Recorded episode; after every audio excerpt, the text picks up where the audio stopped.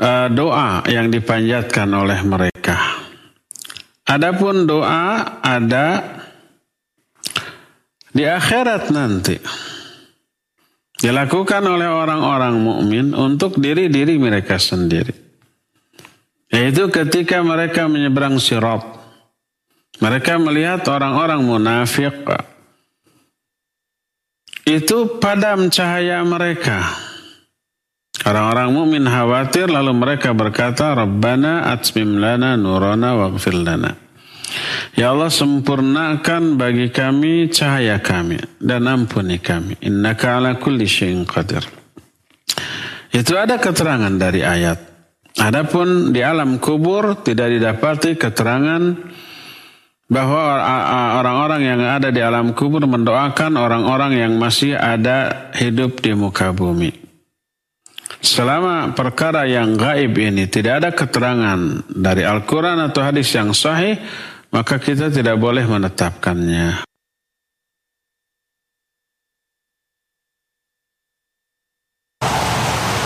Mutiara Hikmah Berkata Ibnu Qayyim al-Jauziyah rahimahullah, jika Allah hendak menyempurnakan nikmatnya kepada seorang hambanya, maka Allah akan jadikan ia sadar akan nikmat yang ia telah dapatkan. Dan karena rasa syukurnya, Allah anugerahkan kepadanya sebuah tali. Dengan tali itu, ia mengikat nikmat tersebut agar tidak lari darinya. Karena sesungguhnya, nikmat Allah itu akan pergi karena kemaksiatan. Dan ia diikat dengan syukur. Al-Fawaid halaman 170. Bismillahirrahmanirrahim. ويل للمطففين. الذين إذا اكتالوا على الناس يستوفون. وإذا كالوهم أو وزنوهم يخسرون. ألا يظن أولئك أنهم مبعوثون. ليوم عظيم يوم يقوم الناس لرب العالمين. كلا إن كتاب الفجار لفي سجين. وما ادراك ما سجين كتاب مرقوم ويل يومئذ للمكذبين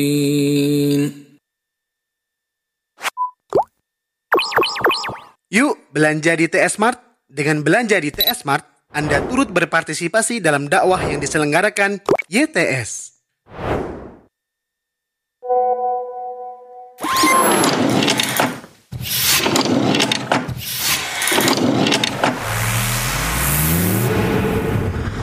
Tarbiyah Sunnah Channel.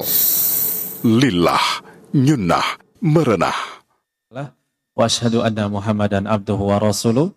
Allahumma salli ala Muhammad wa ala alihi wa ashabihi wa sallam wa ba'da. Ikhwati iman azani Allah wa iyyakum. Hadirin jamaah Masjid Al-Quwah Bandung dan juga para pemirsa dan pendengar Tarbiyah Sunnah Media baik itu yang menyimak melalui siaran kami di channel YouTube Facebook dan Instagram Tarbiyah Sunnah Channel ataupun yang menyimak melalui siaran kami di Radio Tarbiyah Sunnah 1476 M baik itu radio analog ataupun aplikasi di Android ataupun iOS.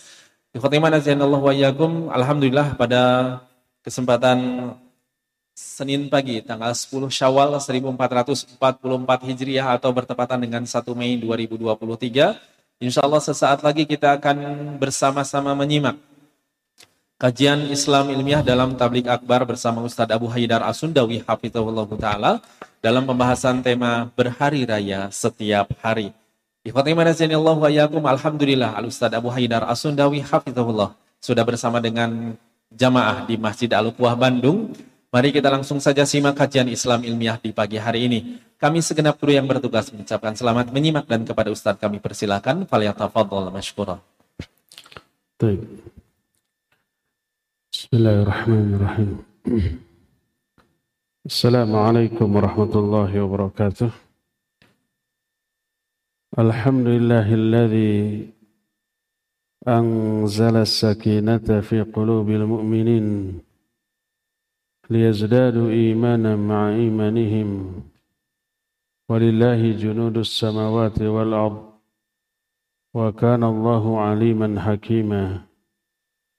وأشهد أن لا إله إلا الله وحده لا شريك له إقرارا به وتوحيدا وأشهد أن محمدا عبده ورسوله صلى الله عليه وعلى آله وأصحابه وسلم تسليما مزيدا وبعد. Hadirin jamaah Masjid Agung Al-Ukhwah Bandung yang Allah muliakan, para pendengar radio Tarbiyah Sunnah Bandung, juga pendengar beberapa radio lain yang ikut tergabung ke dalam grup kajian bersama, pemirsa beberapa stasiun TV, serta para netizen di mana saja Anda berada. Alhamdulillah pagi ini kita berjumpa untuk mengangkat tema yang masih hangat yang berkaitan dengan hari raya. Anehnya atau bukan aneh, istimewanya hari raya yang biasanya kita alami setahun sekali, kita harus upayakan untuk kita rasakan, kita alami kita rayakan setiap hari, bahkan kalau bisa setiap saat dari kehidupan kita. Apa efeknya? Efeknya kita akan merasakan kebahagiaan yang tak terhingga di dunia dan itu yang oleh para ulama disebut dengan surga dunia dan berhari raya setiap saat di dunia ini akan terus berlanjut berhari raya di akhirat nanti dengan kebahagiaan yang berjuta kali lipat dengan apa yang kita rasakan di dunia. Ketika menjelaskan apa itu hari raya, Berkata Al-Imam Ibn Rajab Al-Hambali rahimahullah dalam kitab Lataiful Ma'arif. Kata beliau, Al-Idu huwa musimul farah was surur wa afrahil mu'minina wa sururuhum fid dunya innama huwa bimaulahum idha fazu bi ikmali ta'atihi wa hazu sawaba, thawaba a'malihim biwuthuqihim biwa'dihi lahum 'alaiha bifadlihi wa maghfiratih. Hari raya adalah saat-saat ketika seseorang bergembira, bersenang-senang dan berbahagia. Bagi seorang mukmin, kebahagiaan dan kegembiraan mereka di dunia hanyalah bisa diraih dengan cara berbahagia di hadapan Allah Azza wa Jalla dengan menyempurnakan ketaatan kepadanya lalu mereka memperoleh pahala dari amal ketaatan mereka yakin terhadap janji yang Allah berikan kepada mereka bahwa Allah akan memberikan karunia dan ampunan Nah dengan karunia dan ampunan serta rahmat Allah inilah silakan kalian berbahagia karena itu jauh lebih baik daripada dunia dan isinya. Allah Azza wa Jalla berfirman dalam surah Al-Maidah eh dalam surah Yunus ayat 58 kata Allah qul bi fadlillahi wa rahmatihi Qul bifadlillahi wa birahmatihi fabidzalika falyafrahu huwa khairum mimma yajma'un.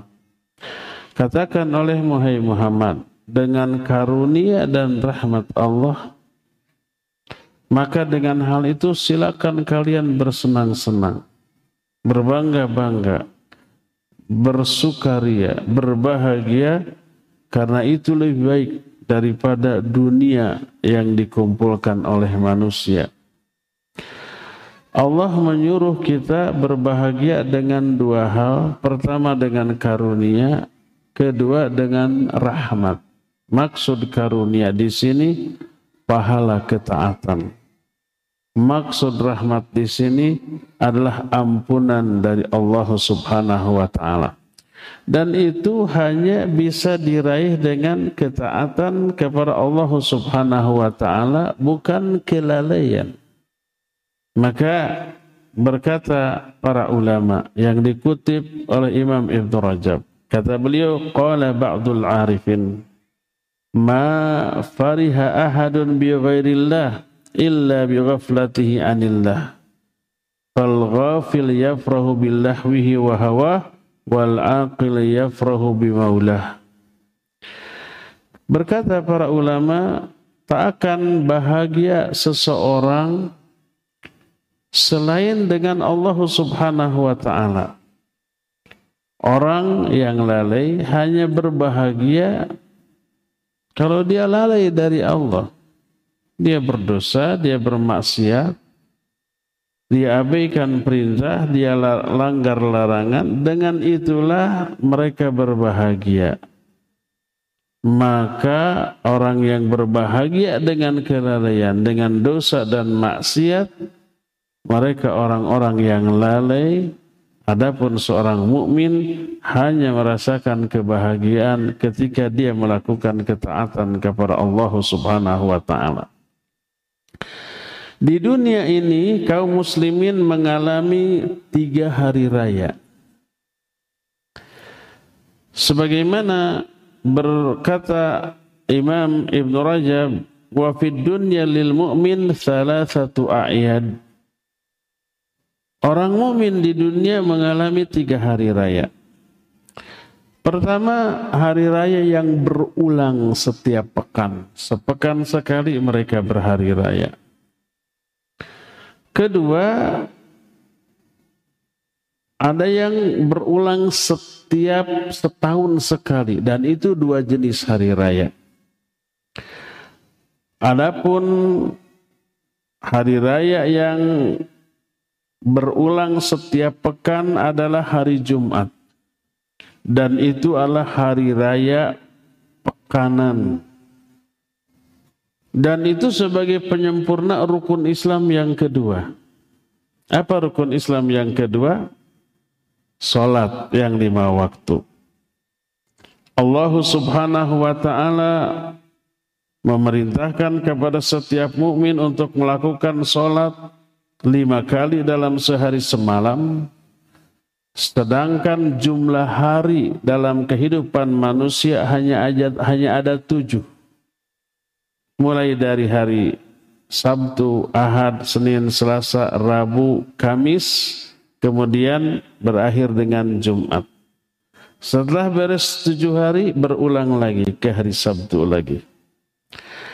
Maka setiap kali selesai satu pekan tujuh hari, maka kaum muslimin menyempurnakan kewajiban sholat mereka dengan cara berkumpul bersama di hari Jumatnya. Melakukan sholat bersama-sama. Dan ada nasihat dari khatib, dari orang berilmu yang dipilih di kalangan mereka untuk memberikan tausiah oleh karena itulah maka hari Jumat merupakan hari raya dan memiliki banyak keistimewaan. Berkata Rasul sallallahu alaihi wasallam, Sayyidul ayyam yaumul jum'ah. Rajanya hari itu adalah hari Jumat. Di hari Jumat itulah disempurnakan seluruh penciptaan. Di hari Jumat itulah Nabi Adam juga diciptakan. Di hari Jumat Nabi Adam dimasukkan ke dalam surga. Di hari Jumat juga Nabi Adam dikeluarkan dari surga dan diturunkan ke muka bumi dan di hari Jumat juga seluruh kehidupan akan berakhir hancur dengan datangnya hari kiamat. Oleh karena itulah maka hari Jumat hari berkumpulnya seluruh kaum mukminin untuk melakukan sholat bersama-sama mendengarkan khutbah bersama-sama, pelajaran yang sangat berharga. Makanya karena hari Jumat merupakan hari raya pekanan, hari raya mingguan, maka dilarang bagi kita untuk melakukan saum secara infirad di dalamnya. Secara infirad itu artinya hanya hari Jumat saja, tidak boleh. Karena itu dianggap hari raya dan hari raya haram untuk saum. Kecuali kalau kita awali dari hari Kamis atau diteruskan ke hari Sabtunya. Sebagaimana salah seorang istri Nabi alaihi salatu wassalam saum di hari Jumat. Lalu oleh Nabi ditanya, Hal sumti bil ams? Apakah kamu saum nggak kemarin hari Kamis? Dijawab tidak. Hal sata sumina dan apakah kamu akan saum besok hari Sabtu? Dia tidak. Maaf diri kalau gitu buka kamu sekarang. Nggak boleh saum. Kalau dikhususkan pada hari Jumat disebabkan karena hari Jumat merupakan hari raya.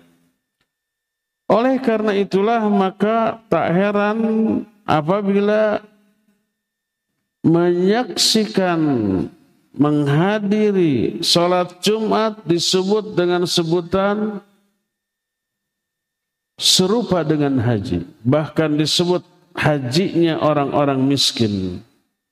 Berkata Sa'id bin Al-Musayyib rahimahullahu ta'ala, Syuhudul Jum'ah habbu ilayya min hajjatin nafilah. Wa tabkiru ilayha yaqumu maqamal hadi ala qadri sabaqa.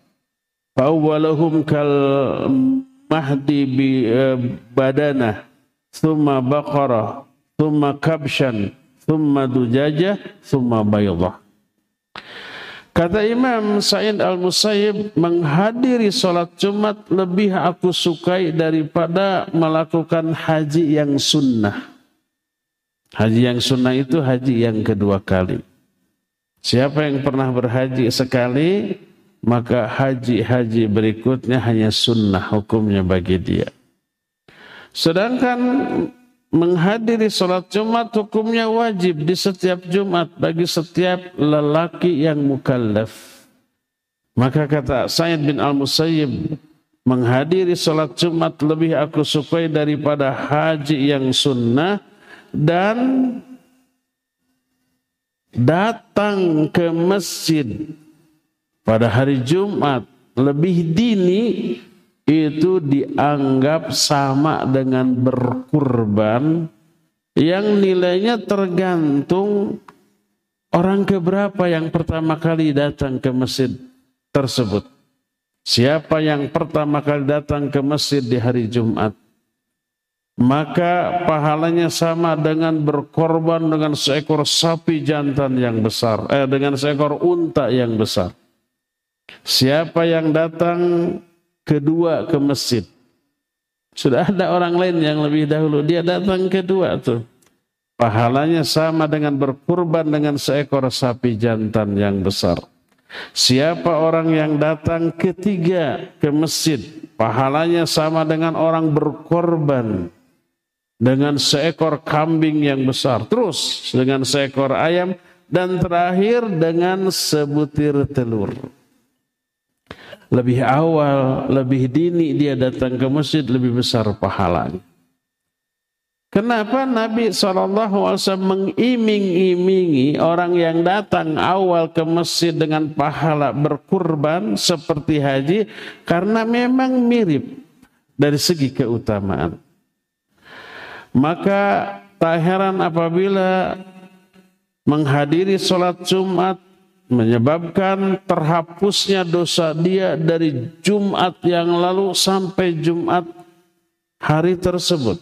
Sebagaimana sabda Nabi SAW beliau menyatakan as-salawatul khams wal jumu'ah ila jumu'ah wal ramadan ila ramadan mukaffiratun liman bainahunna majturibatil kabair. Salat yang lima waktu. Jumat ke Jumat, Ramadan ke Ramadan menghapus dosa-dosa antara Jumat yang sebelumnya sampai Jumat yang akan datang. Ini persis seperti haji yang mabrur menghapus seluruh dosanya dan diiming-imingi hanya surga yang layak sebagai balasannya.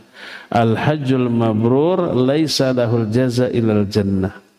Haji yang mabrur itu tidak ada balasan yang layak untuknya kecuali dengan surga.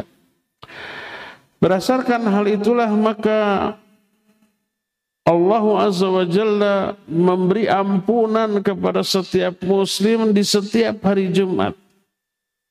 Berkata Rasul sallallahu alaihi wasallam dalam salah satu hadis yang sahih ma tala'ati syams wala gharabat ala yaumin afdalu min yaumil jumu'ah.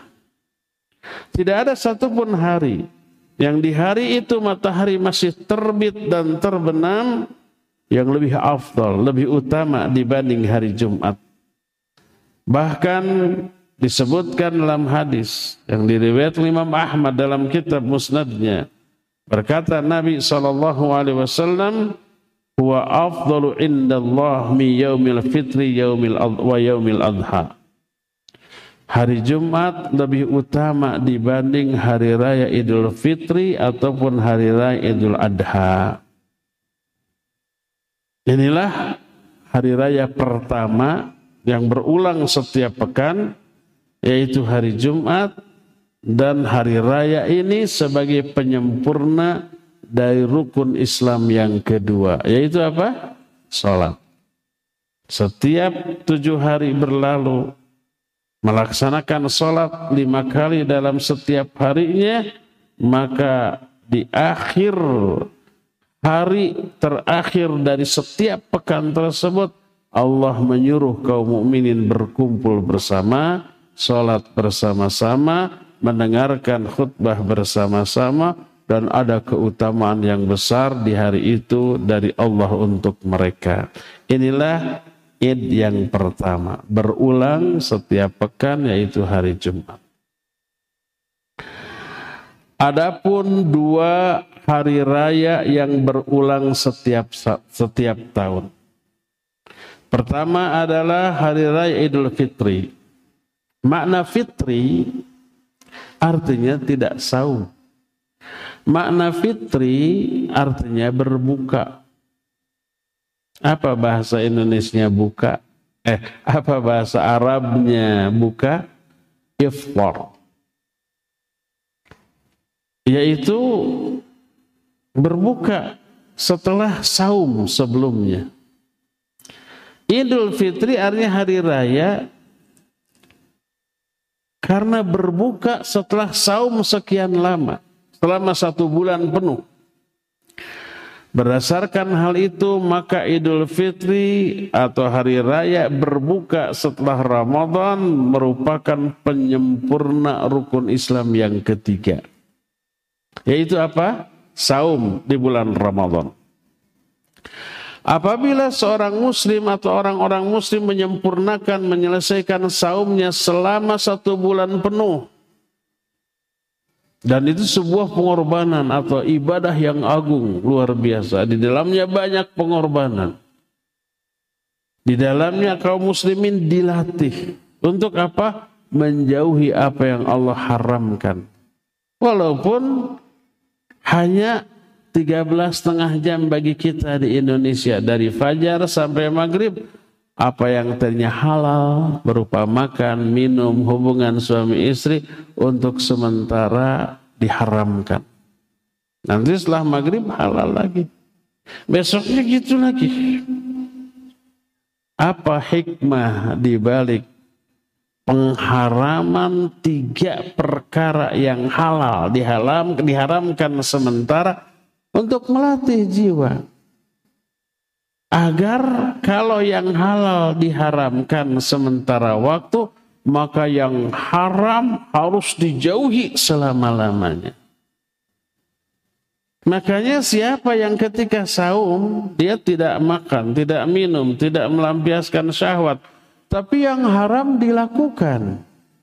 Gibah dilakukan, mencela, menghina dilakukan, zalim dilakukan, apalagi mencuri, apalagi umpamanya menganiaya orang dilakukan para itu yang haram, rusaklah saumnya. Ditolak itu saumnya tidak diterima itu saumnya.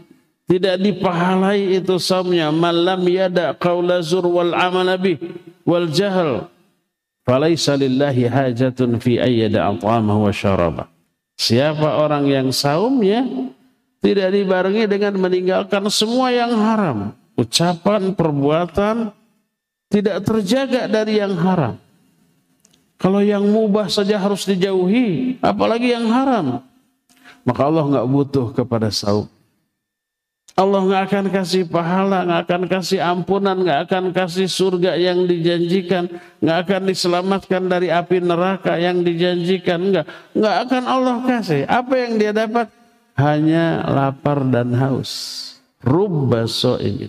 Hadduhu min syamihi al wal Banyak orang yang saum, tapi yang dia dapat dari saumnya hanya lapar dan haus. Pahalanya tidak. Kenapa? Karena dia hanya menahan diri dari yang mubah, makan, minum, hubungan suami istri dia tahan, tapi yang haram dia laksanakan. Rusak sudah saumnya. Maka orang yang saum secara totalitas tidak hanya saum dari tiga perkara ini saja, tapi saum juga dari semua yang haram. Dijauhi semua yang Allah haramkan, apa akibatnya? Allah turunkan ampunan. Allah bebaskan dia dari api neraka. Allah subhanahu wa ta'ala berikan apa yang Allah janjikan kepada mereka berupa surga. Maka di akhir masa-masa setelah saum ini Allah azza wa jalla menyuruh mereka berkumpul. Sholat bareng-bareng, takbir bareng-bareng, mendengarkan tausiah, pelajaran ataupun nasihat dari imam dan khatib juga bareng-bareng untuk mengungkapkan rasa syukur mereka kepada Allah Subhanahu wa taala. Allah menyatakan walitukabbirullaha ala ma hadakum wa la'allakum tashkurun. Walitukmilul iddata walitukabbirullaha ala ma hadakum wal'allakum tashkurun. Agar kalian menyempurnakan jumlah saum kalian sebulan penuh. Agar kalian bertakbir membesarkan Allah atas hidayah yang Allah berikan kepada kalian. Dan agar kalian bersyukur kepada Allah subhanahu wa ta'ala. Maka hari raya Idul Fitri dianggap sebagai penyempurna rukun Islam yang ketiga, yaitu saum. Inilah hari raya yang kedua, yang berulang setiap tahun sekali. Karena apa? Karena saumnya pun hanya setiap tahun. Kalau sholat kan setiap hari. Setelah berlalu tujuh hari, berhari raya lah mereka. Kalau saum setahun, dalam setahun sebulan, setelah beres sebulan berhari raya Allah mereka. Penyempurna dari rukun Islam yang ketiga. Adapun uh, hari raya yang ketiga disebut hari raya Nahar atau Idul Adha. Dan inilah seagung-agung hari raya dibanding hari raya Idul Fitri. Ternyata hari raya Idul Adha ini sebagai penyempurna dari rukun Islam yang kelima. Apakah itu? Haji. Setelah kaum muslimin melaksanakan ibadah haji, Allah ampuni dosa-dosa mereka. Dan sempurnanya haji hanyalah apabila mereka melakukan wukuf di Arafah. Dan itu rukun haji yang paling agung. Sebagaimana Nabi SAW bersabda Al-Hajju Arafah. Haji itu Arafah. Maka hari Arafah adalah hari dibebaskannya orang-orang dari api neraka.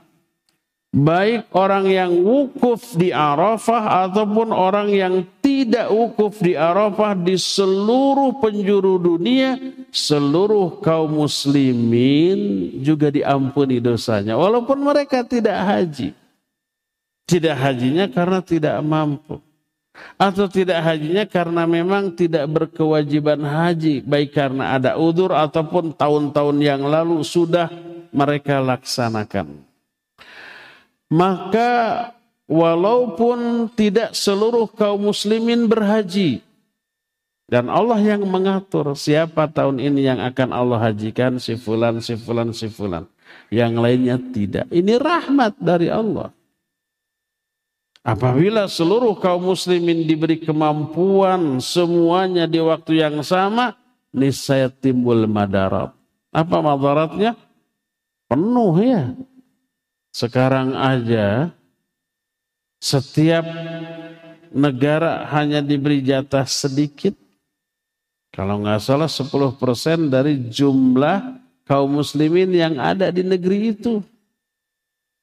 Dan ternyata negeri kita merupakan negara dengan kuota haji terbanyak. Jadi jutaan orang sekarang berkumpul di Mekah dan di tempat-tempat haji. Pada waktu musim haji itu pun sudah sangat membludak, padat, berdesak-desakan. Padahal hanya sebagian kecil kaum muslimin yang berangkat ke sana. Bayangkan kalau semua kaum muslimin diberikan kemampuan semuanya untuk haji, berhaji, nggak akan bisa dilaksanakan itu haji. Jadi hanya dipilih orang-orang tertentu sebagai rahmat bagi seluruh kaum muslimin. Berdasarkan hal itulah maka walaupun orang muslim yang tidak mampu berhaji, mereka tidak berangkat ke sana, tapi keutamaan yang Allah berikan kepada yang haji di Arafah berupa ampunan Allah sebarkan secara merata ke seluruh kaum muslimin di seluruh dunia dan pahala dari berkurban yang dilakukan oleh orang-orang yang haji juga disebar secara merata ke seluruh umat Islam.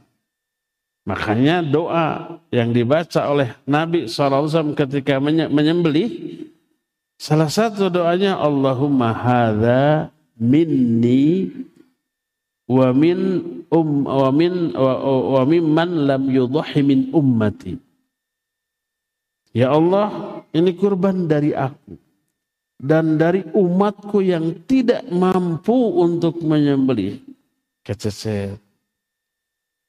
Maka pahalanya sampai kepada seluruh kaum muslimin yang tidak mampu untuk melakukan kurban. Ada orang-orang tertentu yang tidak diberi kemampuan untuk kurban, tidak diberikan kemampuan untuk haji, jadi tidak haji, tidak berkurban, pahalanya tetap dapat. Oleh karena itulah maka tak heran kalau Imam Ibn Rajab menyatakan faida kamula yauma arafah wa ataqallahu ibadahul mu'minina minan nar ishtarakal muslimuna kulluhum fil ilm aqiba dhalik wa yasra'u lil jami' at-taqarrub ilaihi bin nusuk wa huwa iraqatud damil qarabin Fahlul musim yarmunal jumrah fa yasrauna fit tahallul min ihramihim bil hajj wa yaqduna nafathahum wa yufuna nudurahum wa yuqarribuna qarabinahum min al hadaya thumma yatufuna bil baitil atiq. Wa ahlul amsar yajtami'una ala dzikrillah wa takbir was salati lahu. Apabila sudah berlalu hari Arafah tanggal 9 Zulhijjah. Masuk ke tanggal 10. Allah bebaskan kaum mukminin dari api neraka. maka bergabunglah seluruh kaum muslimin di seluruh dunia di hari tanggal ke-10-nya untuk berkumpul bersama-sama. Dan itu hari Id bagi mereka. Allah syariatkan kepada mereka untuk bertakarub kepada Allah dengan cara menyembelih sesembelihan kurban-kurban mereka. Kalau orang yang sedang berhaji, tanggal 10 itu ada ritual khusus. Setidaknya ada tiga yang dilakukan. Pertama jumroh, jumroh akobah. Yang kedua menyembelih juga. Yang ketiga tahallul. Plus yang keempat. Tadi saya sebut tiga karena yang keempat tidak harus di tanggal 10. Boleh kapan saja. Yang keempat ini tawaf ifallah namanya.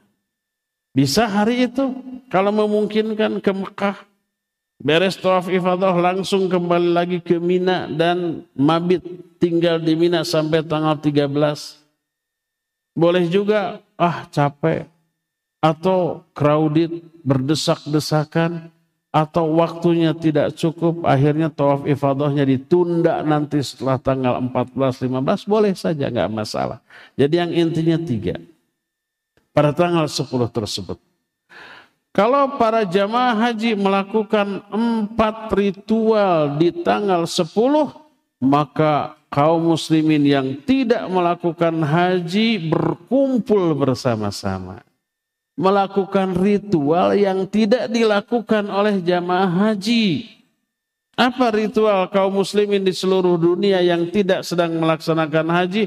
Mereka takbir, mereka sholat, mereka mendengarkan khutbah. Dan ini merupakan ritual yang menunjukkan kebersamaannya orang-orang yang haji dengan kaum muslimin yang tidak berhaji karena hari itu merupakan hari raya bagi mereka. Maka berkata Mukhannif bin Sulaim termasuk salah seorang sahabat. Dia menyatakan, Al-khuruj yaumal fitri ya'dilu umrah. Wal khuruj yaumal adha ya'dilu hajjan. Orang yang keluar untuk melakukan sholat idul fitri itu pahalanya sebanding dengan umrah. Dan orang yang keluar untuk melakukan sholat idul adha pahalanya sebanding dengan haji. Terus mereka melakukan sesembelihan yang juga sama dilakukan oleh orang-orang yang berhaji. Maka dianggap bahwa orang yang tidak berhaji karena ketidakmampuan mereka dari segala segi, segi finansial, segi keamanan, segi kesehatan, mereka tetap memperoleh pahala yang tidak kecil dari Allah Subhanahu wa taala. Berdasarkan hal itulah maka hari raya Idul Adha dianggap penyempurna dari rukun Islam yang kelima yaitu haji. Kenapa disebut hari raya? Karena diampunilah dosa-dosa mereka oleh Allah di hari itu. Baik yang berhaji ataupun yang tidak berhaji. Ingat, ketika tanggal 9 kaum muslimin yang tidak haji melakukan ritual yang tidak dilakukan oleh jamaah haji. Apa? Saum Arafah. Yang jamaah haji yang sedang wukuf di Arafah tidak boleh saum. Tapi dianjurkan bagi yang tidak haji untuk saum. Kenapa orang-orang yang sedang wukuf di Arafah tidak boleh saum?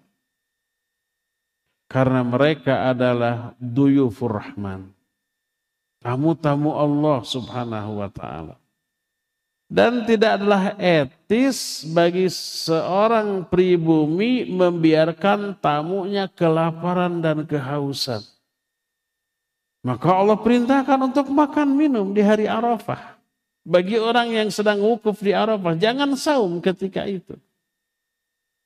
Bahkan Allah haramkan bagi seluruh kaum muslimin untuk saum di tanggal 10 sampai tanggal 13-nya.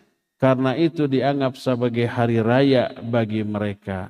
Tanggal 10 Zulhijjahnya adalah Idul Adha, 11, 12, dan 13 masih dianggap sebagai hari raya yang kita sebut dengan sebutan hari tasyriq. Berdasarkan hal itu, maka hari raya Idul Adha dianggap sebagai penyempurna rukun Islam yang terakhir yang kelima. Coba lihat, tiga hari raya ini penyempurna tiga rukun Islam. Hari raya hari Jumat penyempurna sholat, itu rukun Islam yang kedua. Hari Raya Idul Fitri penyempurna rukun Islam yang ketiga yaitu saum. Hari Raya Idul Adha penyempurna rukun Islam yang kelima yaitu haji. Terus apa hari raya bagi rukun Islam yang keempat? Keempat itu apa? Zakat, sodako. Kenapa tidak ada hari rayanya? Zakat tidak ada hari rayanya karena waktu pengeluaran zakat bagi setiap orang berbeda-beda. Tergantung nisab dan haul. Nisab itu jumlah har minimal harta yang wajib dizakati. Baik dia pedagang, petani, atau orang yang punya tabungan baik emas ataupun uang terkena kewajiban zakat itu kalau dua syarat ini terpenuhi pertama sudah sampai pada nisob. Nisobnya sekitar 84 gram emas. Kalau kita menabung uang senilai 84 gram emas, sudah terus yang kedua sudah tersimpan satu tahun penuh. Wajib dia zakat dua setengah persen dari simpanannya tersebut. Demikian juga pedagang. Dia memulai umpamanya tanggal satu uh, Syawal umpamanya. Satu Syawal tahun berikutnya dihitung tuh. Apa yang dihitung? Tiga. Pertama, omset barang yang digolangkan, yang dijual belikan. Yang keduanya, uang yang ada hasil jual beli. Yang ketiga, piutang yang lancar. Ada orang lain punya hutang kepada kita dan lancar. Hitung semua itu kalau jumlah total mencapai uang sejumlah atau seharga 84 gram emas, maka wajib zakat. Keluarkan dua setengah persen. Kalau dua syarat tadi terpenuhi nisab dan haul. Nisab adalah jumlah minimal harta yang wajib dizakati yaitu 84 gram emas dan haul waktu satu tahun sudah berlangsung tentang tersimpannya harta tersebut. Dan ini bagi setiap orang kan berbeda-beda ya. Baik jumlahnya maupun waktunya. Seseorang mungkin mulai usaha itu satu syawal, orang lain mungkin satu dul hijjah, orang lain lagi mungkin beda lagi. Maka tidak bersamaan, maka tidak ada hari raya yang bersama-sama. Adapun tiga yang tadi sholat itu waktunya bareng. Sama-sama. Jumlah rokaatnya bareng, waktunya bareng, tata caranya bareng, hari rayanya bareng. Demikian juga saum Ramadan bareng waktunya, caranya, semuanya bareng. Maka hari rayanya bareng. Haji juga waktunya bareng, tata caranya bareng, hari rayanya bareng. Makanya karena bareng dari segi waktu dan sama dari segi tata cara, maka ada hari raya yang harus dirayakan bersama. Adapun zakat karena waktunya tidak bersamaan, maka tidak ada hari raya yang disepakati untuk zakat. Inilah hari raya bagi empat rukun Islam. Sholat, zakat tidak ada karena berbeda-beda. Saum yaitu idul fitri dan haji yaitu idul adha. Tinggal satu pertanyaan. Kapan hari raya untuk rukun Islam yang pertama? Apa rukun Islam yang pertama? Dua kalimat syahadat. Asyhadu an la ilaha illallah wa asyhadu anna Muhammadar Rasulullah. Kapan hari rayanya? Dan harus kita memiliki hari raya untuk rukun Islam yang pertama bahkan ini yang terpenting. Sebelum kita membahas kapan hari raya bagi dua kalimat syahadat. Kita sedikit bahas dulu isi dan inti dari dua kalimat syahadat. Kalimat syahadat yang pertama tauhidullah. Asyhadu an la ilaha illallah. Aku bersaksi bahwa tidak ada sesembahan yang hak yang sebenarnya kecuali Allah. Ini tauhid. Tauhid itu mengesahkan Allah. Dan yang ini maksud aku bersaksi asyahadah itu adalah ikhbarul insan bima ya'lamuhu. Maksud syahadat persaksian ini menurut terminologi ilmu tauhid. Jangan sampai persaksian di sini difahami menurut kacamata ilmu yang lain. Mungkin ilmu hukum pidana atau perdata. Jangan sampai seorang muslim kalah debat dengan orang ateis. Kata orang ateis, kamu kan menyatakan bersaksi tidak ada Tuhan selain Allah. Bagaimana kamu bisa menyaksikan apa yang tidak kamu lihat? Yang tidak ter, ter, apa, terjangkau oleh panca indera. Tidak terlihat, tidak terdengar, tidak teraba, tidak bisa dibuktikan kan gitunya. Kalau dalam ilmu hukum pidana, seorang yang dianggap saksi tapi memberikan persaksian yang tidak dia lihat itu saksi palsu dan menjadi saksi palsu itu, palsu itu kejahatan bisa dipidana kan begitu menurut ilmu hukum pidana ya kalian kaum muslim menyaksikan tentang Allah yang tidak kalian lihat itu saksi palsu kalian melakukan tindak kejahatan yang bisa dipidanakan mendengar penjelasan ahli hukum tadi, seorang muslim yang jahil tadi bingung, iya gimana jawab? Kenapa? Karena orang tadi menjelaskan dan memahami makna persaksian di dalam ilmu tauhid dengan kacamata ilmu hukum dunia. Ya nggak nyambung. Walaupun sama-sama istilahnya persaksian, maknanya beda. Kita juga punya banyak istilah yang sama diterapkan di bidang yang berbeda, kan maknanya berbeda juga ya, sendok. Dalam dunia kuliner sendok itu untuk makan. Bentuknya kita tahu, ukurannya kita tahu, bahannya kita tahu. Di dunia pertukangan ada lagi sendok, sendok temboknya. Ukurannya kita tahu, fungsinya kita tahu, bahannya kita tahu. Di dunia perbengkelan ada lagi sendok ban untuk nyungkil bannya. Di dunia persepatuan ada lagi sendok sepatu, ada? Sama-sama namanya sendok tapi dipakai di bidang yang berbeda, jadi beda. Barangnya beda, fungsinya beda, ukurannya, kemudian eh, segalanya. Kalau kita umpamanya si tukang nih lagi makan, tolong ambil sendok ke ladennya. Oleh ladennya dikasih sendok tembok. Padahal lagi makan, dower nanti. Asyhadu an la Aku bersaksi.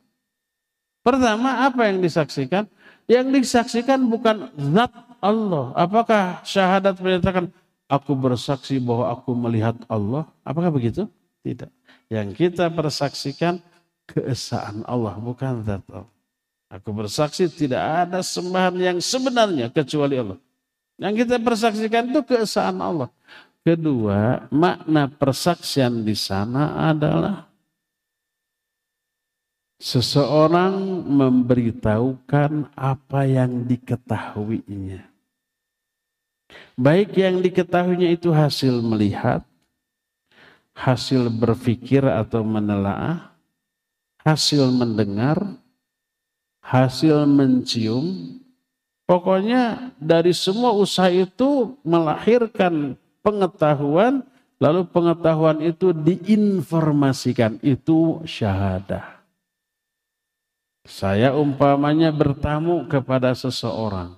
Diterima di ruang tamu. Di balik dinding ruang tamu, istri dari pribumi, anak-anaknya ngomong, uh ini si montong enak banget ya, manis. Dan kita mencium, uh ini bau duren si montong. Pulang ke rumah saya bilang ke istri, tadi ada si montong di rumah teman saya. Kok tahu? Apakah melihat? Tidak. Kenapa tahu? Mencium. Ini nggak mungkin bau terasi. Tapi pasti si montong. Yang kedua mendengar omongan. Hasil mendengar, hasil mencium, jadi informasi. Lalu informasi itu kita beritahukan ke orang lain ini syahadah. Kita menelaah ayat-ayat Allah yang kauniyah di alam dan ayat Allah yang syariah dalam Al-Quran dan Sunnah. Semua hasil penelaahan kita melahirkan keyakinan. Dunia ini ada penciptanya. Dan penciptanya pasti Esa. Dialah Allah. Yakin tuh. Allah satu-satunya yang layak untuk disembah lalu kita informasikan kepada orang. Itulah syahadah. Jadi syahadat yang pertama adalah tauhid. Apa arti tauhid? Mengesahkan Allah Subhanahu wa taala. Lalu dijadikan sebagai dasar keyakinan yang menjadi fondasi bagi seluruh amal kita. Salat kita hanya untuk Allah. Saum kita hanya untuk Allah. Semua yang kita lakukan untuk Allah. Qul inna salati wa nusuki wa mahyaya wa mamati lillahi rabbil alamin la syarikalah. Katakanlah, sungguhnya salatku, sesembelihanku, hidup matiku hanya untuk Allah, tidak ada sekutu baginya dalam hal ini. Semuanya hanya untuk Allah Subhanahu wa taala. Nah ini konsekuensi dari pengakuan Allah satu-satunya sesembahan yang hak. Tidak ada sesembahan yang lain selain Allah.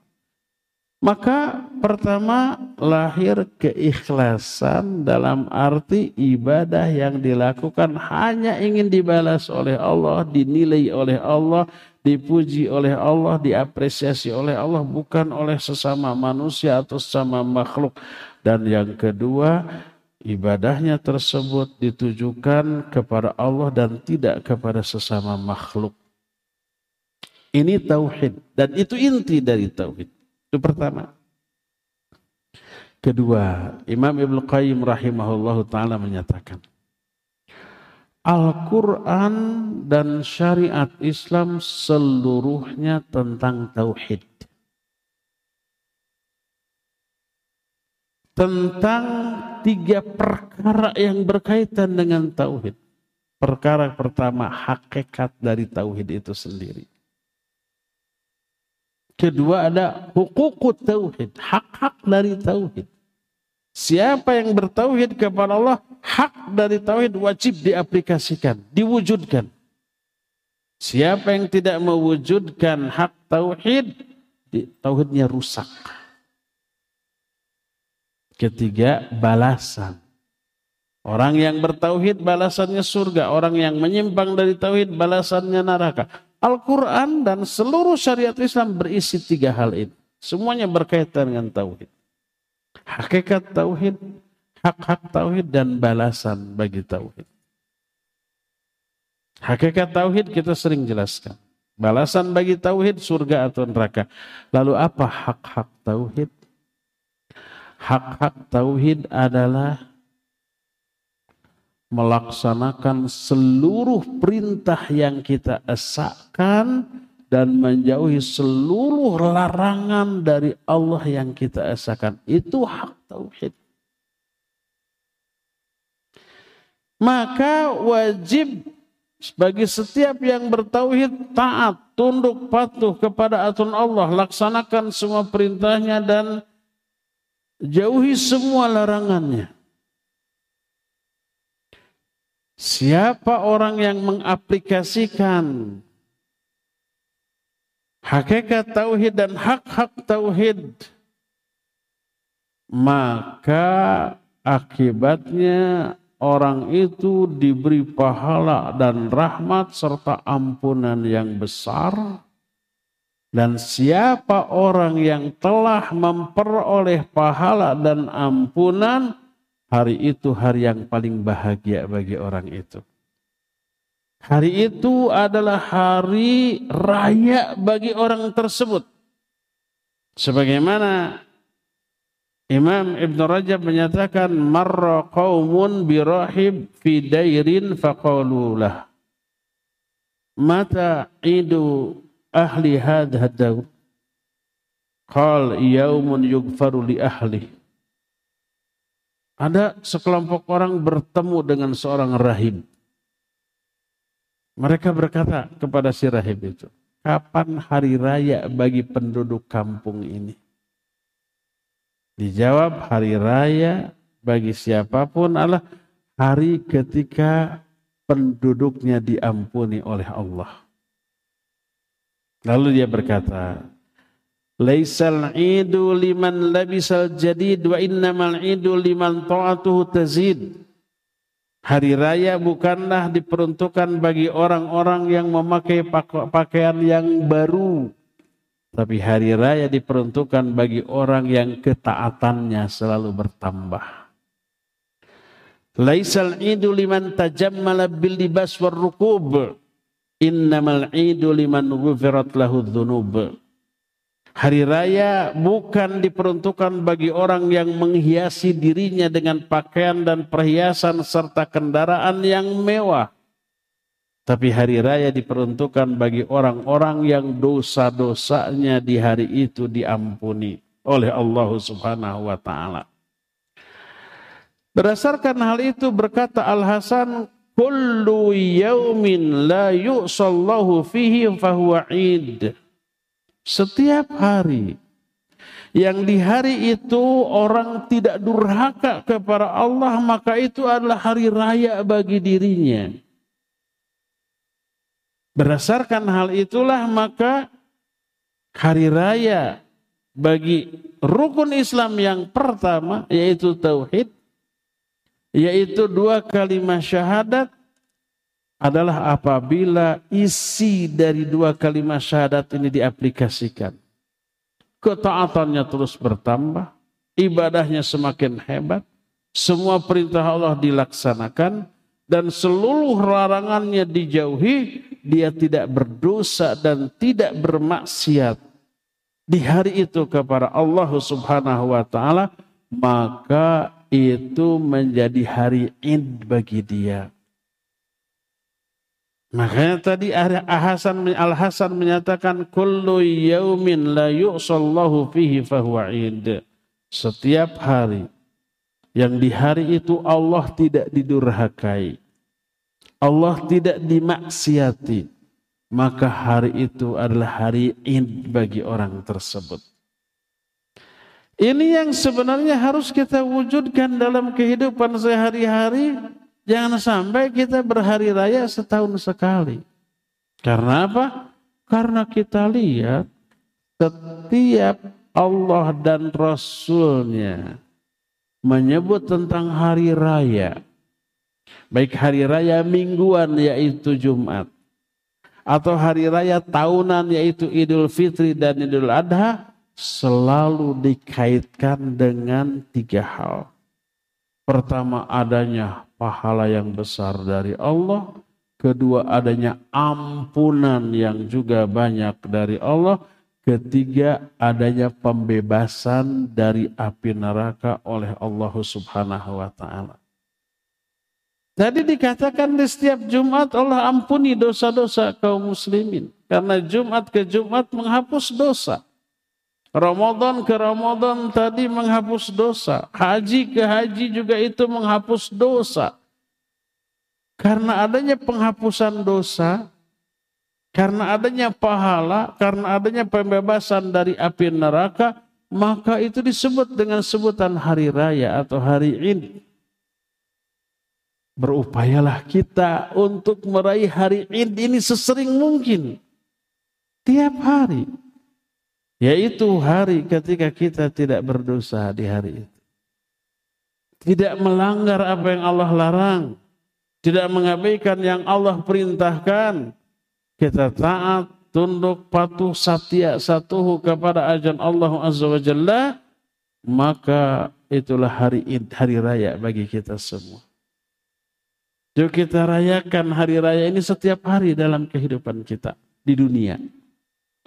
Dan seperti saya bilang di awal, hari raya yang teralami oleh manusia di dunia di setiap harinya berdampak kepada kehidupan di akhirat. Di akhirat ternyata ada hari raya. Kapan hari raya di akhirat? di surga.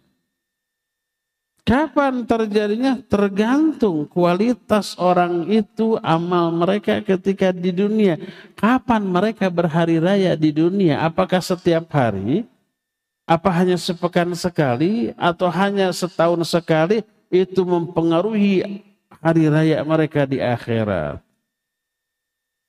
Berkata Imam Ibn Rajab, kullu yaumin kana lil muslimina idan fid dunya idun lahum fil jannah yajtami'una fihi ala ziyarati rabbihim wa yatajallal lahum fihi setiap hari yang hari itu menjadi hari id bagi kaum muslimin di dunia. Maka juga akan menjadi hari id bagi mereka di surga. Bagaimana hari Id mereka di surga? Mereka berkumpul untuk mengunjungi Allah. Lalu Allah menampakkan diri ke tengah-tengah mereka. Itulah hari raya ahli surga. Tidak setiap saat ahli surga melihat Allah. Dan itulah keindahan, kenikmatan terbesar yang terasakan oleh ahli surga di surga. Seluruh yang ada di surga indah, nikmat, memuaskan, tapi yang paling indah, paling nikmat, paling memuaskan bisa melihat wajah Allah Azza wa Jalla. Dan diterangkan dalam Al-Quran tentang Allah bisa terlihat hanya oleh ahli surga di, di, di akhirat. Allah berfirman, Wujuhu yawma idhin nadhirah ila rabbiha nadhirah. Pada hari itu, hari kiamat ada wajah-wajah yang sumringah, bercahaya, mencerminkan kebahagiaan yang tak terkira karena mereka bisa melihat kepada wajah Allah. Dalam Al-Quran surah Yunus ayat 26 Allah berfirman lilladzina ahsanul husna wa ziyadah. Bagi orang-orang yang berbuat kebaikan di dunia ada balasan kebaikan berupa surga. Wa ziyadah dan ada tambahan. Apa tambahannya? Bisa melihat wajah Allah Azza wa Jalla. Berkata Imam Ibn Rajab, wa amma a'yadul mu'minina fil jannah. Fahiya ayyamu ziyaratihim li rabbihim azza wa jalla. Fayazurunahu wa yukrimuhum ghayatal karamah wa yatajallal lahum wa yanduruna ilaihi. Fama a'tahum syai'an huwa ahabbu ilaihi min dhalik. Adapun hari raya bagi orang-orang mukmin di surga adalah hari ketika mereka berziarah kepada Allah Subhanahu wa taala. Mereka mengunjungi Allah lalu Allah muliakan dengan puncak pemuliaan Allah menampakkan diri kepada mereka, mereka bisa langsung melihat wajah Allah. Tak ada pemberian Allah kepada ahli surga di surga yang lebih hebat, lebih dahsyat, lebih memuaskan, lebih mereka sukai daripada melihat wajah Allah Subhanahu wa taala. Dan itulah bonus bagi para ahli surga di surga sebagaimana surah Yunus ayat 26 tadi lilladina ahsanul husna wa ziyadah bagi orang yang berbuat kebaikan akan diberikan balasan surga dan ada tambahannya. Apa tambahannya?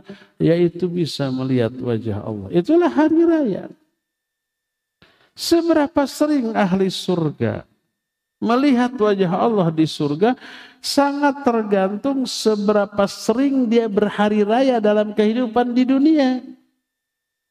Kalau di dunianya dia berhari raya setiap hari, dalam arti apa? Setiap hari dia tidak bermaksiat. Setiap hari dia tidak berdosa. Setiap hari dia hanya melaksanakan perintah menjauhi larangan. Setiap hari dia hanya ibadah, maka setiap hari itu hari raya bagi dia. Apa akibatnya? Di akhirat, di surganya, dia akan mengunjungi Allah dan melihat wajah Allah yang mulia setiap hari. Inilah yang dimaksud dengan berhari raya.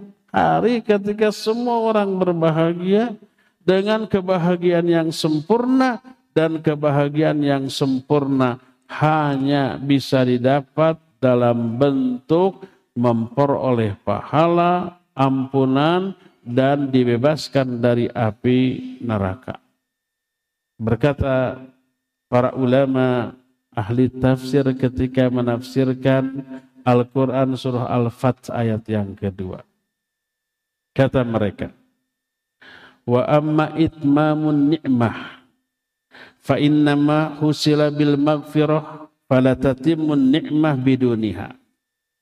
Adapun kesempurnaan nikmat hanyalah diraih kalau didapat ampunan dari Allah. Tidak sempurna nikmat tanpa ampunan Allah. Termasuk Nabi Shallallahu Alaihi Wasallam. Nikmat terbesar yang Allah berikan kepada Nabi Shallallahu Alaihi Wasallam adalah diampunnya dosa.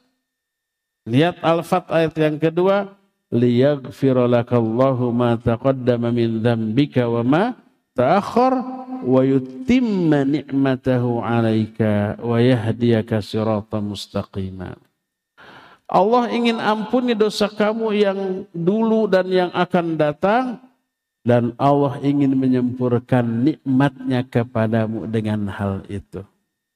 Kesempurnaan nikmat hanya apabila diraihnya ampunan dari Allah. Dengan ampunan diraih, terselamatkan dia dari api neraka, dimasukkan dia ke dalam surga.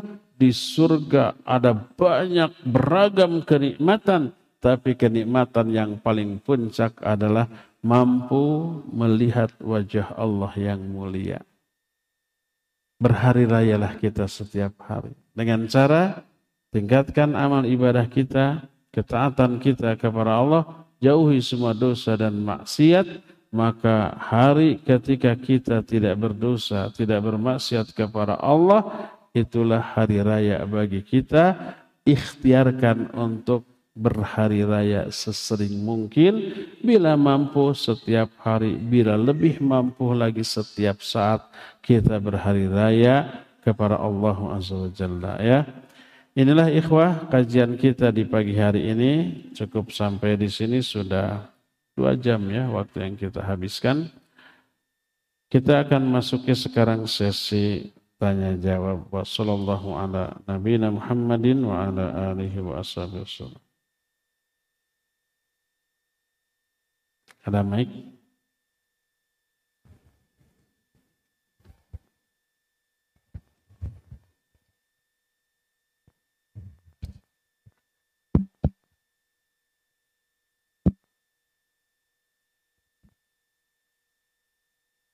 Awan Ustaz. Bismillah. Assalamualaikum warahmatullahi wabarakatuh. Assalamualaikum. Afan sekali Ustaz, saya bukan tidak mau menulis tapi beberapa kali saya menulis tidak terjawab Ustaz, mohon maaf. Pertama Ustaz, pertanyaan pertama yaitu bagaimana hukumnya ahlul bid'ah dan ahlul sirik itu ibadahnya, ibadah sholatnya seperti apa? Hukumnya sah atau tidak? Kenapa ini saya tanyakan? Karena di internal keluarga saya itu masih ada orang yang melakukan, ada yang melakukan sirik dan bid'ah Ustaz. Itu. eh, Kemudian yang kedua, Satu dulu. Ya. Ini antri, Pak. Cukup satu dulu ya. sebenarnya ada tiga Ustaz. Ah, satu, satu, satu. Ini tentang zakat barangkali Pak. Tadi disampaikan tentang zakat Ustaz. Boleh ya? Ini barang biar nggak penasaran tentang zakat. Beberapa waktu yang lalu Ana menjual aset Ustaz. Laku 500 juta Ustaz. Jad- Jadi menjadi eh, harta simpanan uang Ustaz. Eh, apakah eh, 500 juta tadi sebenarnya dipersiapkan untuk membayar kuliah, kemudian untuk membayar sebagian hutang-hutang begitu. Bagaimana ini cara mengeluarkan zakat malnya tadi, apakah 500 tadi dikeluarkan 2,5 persen atau setelah dikurangi untuk biaya kuliah dan untuk membayar hutang. Terima kasih Ustaz. Assalamualaikum warahmatullahi wabarakatuh. Waalaikumsalam warahmatullahi Iya, barakallahu fiik. Yang pertama, bagaimana ibadahnya ahlul bid'ah dengan orang musyrik? Kalau seseorang melakukan ibadah, di dalam ibadahnya itu dia melakukan kebid'ahan, ibadah itu ditolak. Sebagaimana sabda Nabi SAW, man ahdatha fi amrina ma laysa minhu fahuwa raddun. Dalam riwayatin, man amila amalan laisa alaihi amruna fahuwa raddun. Siapa orang yang melakukan satu amalan, tapi nggak ada contoh dariku, itu amalan ditolak. Adapun kalau dia melakukan amalan lain dan amalan itu tidak mengandung unsur kebidahan, maka amalan itu tetap diterima. Dalam sholat dia melakukan kebidahan, sholatnya ditolak. Tapi ketika dia baca Al-Quran, tidak ada kebidahan, baca Qurannya diterima. Dia infak dan sodako, diterima. Dia tersenyum kepada orang lain, senyumnya ibadah. Dia menolong orang lain, menolong mah nggak ada kebidahan sebab bebas urusan dunianya itu ya, tetap dapat pahala. Jadi ibadah-ibadah yang ditolak hanyalah ibadah yang di dalamnya ada kebidahan. Adapun ibadah yang lainnya, ibadah sosial atau ibadah mahdoh yang tidak ada kebidahan seperti baca Al-Quran, berzikir, berdoa, maka itu tetap diterima. Adapun kalau orang berbuat syirik, kalau syiriknya syirik besar, seperti menyembah, beribadah kepada selain Allah, kepada dewa-dewi, kepada berhala, maka syirik itu menghapus seluruh pahala kebaikan yang pernah dia lakukan. Mungkin dia pernah sholat, pernah haji, pernah umroh, saum, ibadah sosial, pahala banyak. Sekali syirik terhapus seluruhnya. Allah berfirman, "Lain asyrakta la yahbatanna amaluk." Kalau kamu berbuat syirik, terhapuslah seluruh amal-amal baik kamu. Ini kalau syirik besar. Adapun kalau syirik kecil, pelakunya tetap muslim, tapi muslim yang berdosa besar. Syirik kecil itu apa contohnya? Ria, sum'ah, ujub, takabur, termasuk kedukun, termasuk meramal. Itu syirik. Tapi syirik kecil. Bersumpah dengan menyebut nama selain Allah. Demi Allah, demi Rasulullah. Itu syirik, tapi syirik kecil. Pelakunya tidak musyrik. Tidak murtad. Dia tetap muslim, tapi muslim yang berdosa besar. Apakah seluruh amal ibadahnya terhapus? Tidak. Tapi dia berdosa dengan melakukan syirik kecil tadi ya. Wallahu a'lam bishawab. Itu yang pertama. Kedua, kita menjual aset terjual 500 juta. Apakah kena zakat? Tergantung. Kalau aset ini sudah diiklankan setahun, tidak ada yang beli juga. Maka aset tersebut dianggap sebagai barang dagangan. Setelah setahun baru laku. Sejak mulai dipromosikan sampai laku setahun wajib keluarkan zakatnya. Dianggap zakat perdagangan. Tapi kalau umpamanya begitu kita umumkan dijual, uh langsung baru dua tiga menit kemudian ada yang nawar, lihat deal bayar tidak ada zakat. Tapi infak dan sodakah silakan ya. Apakah zakatnya sebesar dua setengah persen dari harga? Lihat, kalau ada hutang, lunasi dulu hutang. Setelah dilunasi hutang masih ada sisa dan masih di atas nisab, keluarkan zakatnya. Adapun biaya kuliah, biaya berobat, maka itu tidak dihitung, tidak harus sisihkan dulu biaya kuliah, sisanya baru dizakati. Ternyata yang dikuliahkan ada tujuh orang anak. Habis kurang malah. Nanti merasa miskin. Enggak. Karena Membiayai kuliah bukan kewajiban. Apakah wajib kuliah? Tidak wajib kuliah. Yang wajib belajar. Tidak dan belajar tidak harus kuliah ya. Jadi potong hutang, bayarkan hutangnya, masih ada sisa dan di atas nisab keluarkan zakatnya. Allah Tadi dikatakan bahwa hari Jumat, hari raya dan ada pahala khusus bagi yang hadir di awal. Bagaimana dengan kaum wanita yang tidak hadir pada sholat Jumat? Pahala apa yang kami dapat Ustaz? Wanita tidak wajib sholat Jumat. Dan ini yang membuat wanita iri kepada laki-laki. Iri di sini bagus apa baik? Bagus dan baik.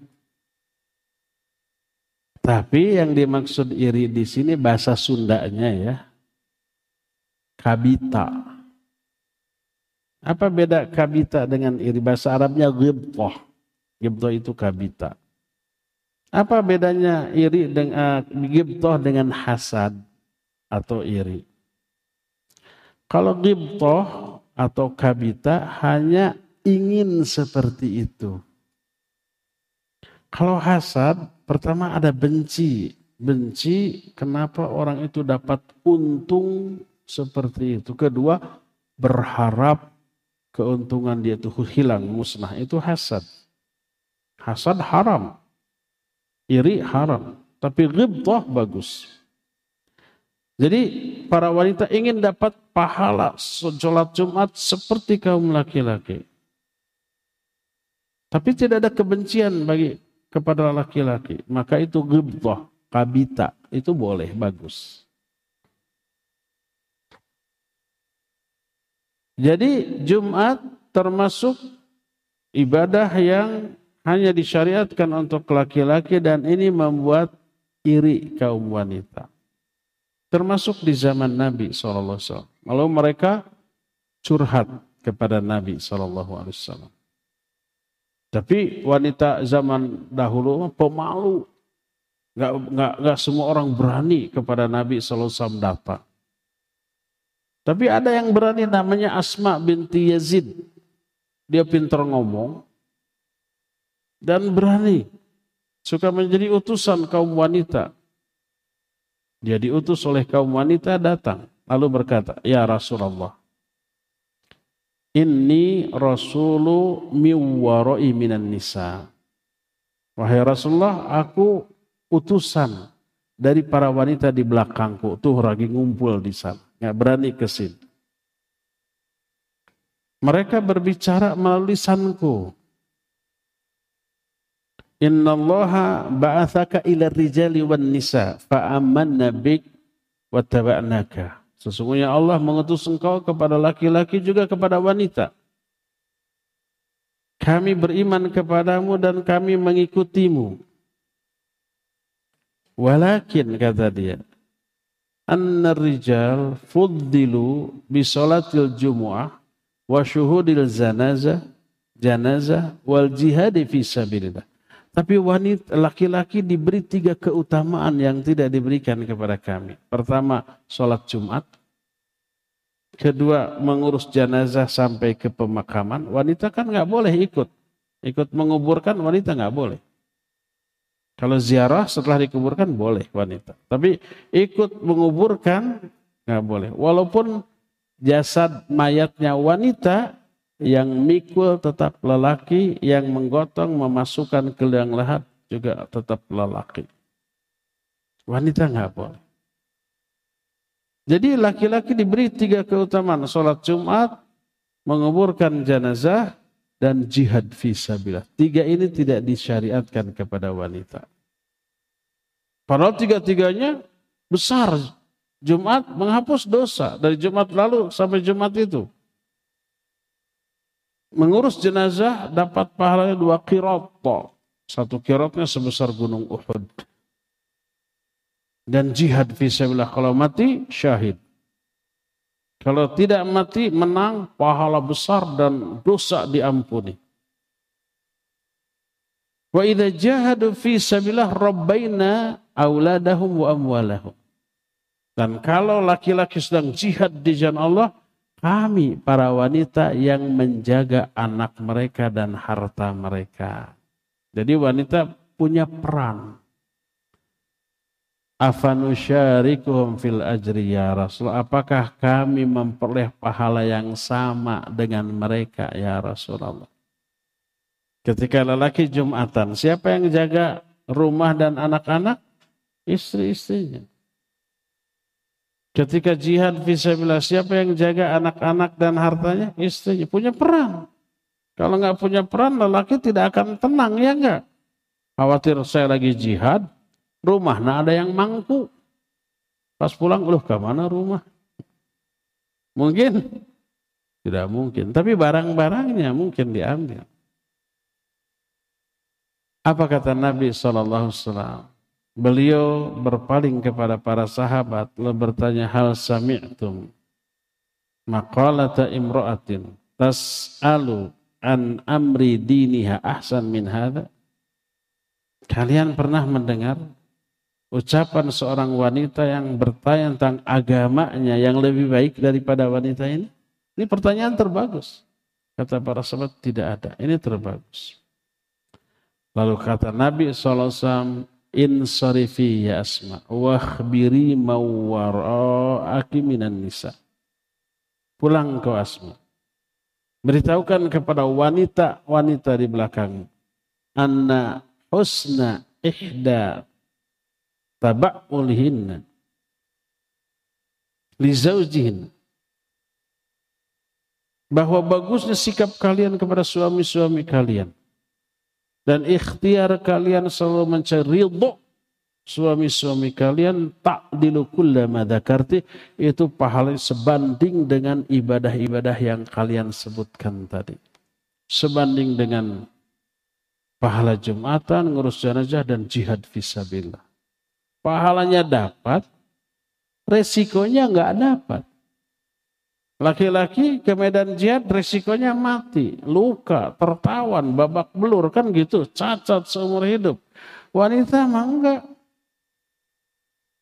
Nggak ada wanita siang keluar dalam keadaan pincang di gips. Kenapa kamu habis ngepel? Nggak ada ngepel resikonya begitu.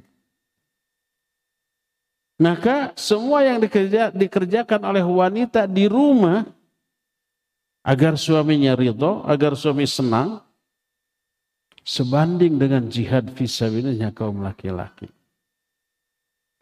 Jangan dianggap enteng pahala nyupir, nyuci piring. Ngepel, nyapu, beres-beres, bikin kopi. Bisa bikin suami ridho apa tidak? Iya itu pahalanya besar sebanding dengan jihad fisabilillah. Jihadnya tidak, pahalanya dapat. Jumatannya tidak, pahalanya dapat. Mengurus jenazahnya tidak, pahalanya dapat. Dan ini anugerah yang Allah berikan kepada kaum wanita. Ya, Wallahu a'lam bishawab. Bagaimana setelah Ramadan kita kembali melaksanakan dosa dan sulit dijauhkan. Padahal saat Ramadan merasa mencoba pol-polan ibadah dan mengharapkan pahala dari Allah. Apakah ibadah dari Ramadan kita diterima atau indikasi amalan tertolak? Saat ini sudah bertobat dan berusaha beramal soleh. Jazakallahu khairan. Kalau ketika Ramadan pol-polan ibadah dan di akhir Ramadan bertekad akan mempertahankan ibadah ini nggak akan kembali kepada kebiasaan buruk sebelum Ramadan. Dia akan berhenti dari semua dosa. Dia bertekad begitu. Maka dengan bertekad seperti itu dia diterima amal ibadah selama Ramadan saumnya, tarawehnya, tadarusnya, semuanya. Tapi setelah Ramadan tanpa direncanakan, tanpa diniatkan, ternyata terjerumus kembali ke dalam dosa.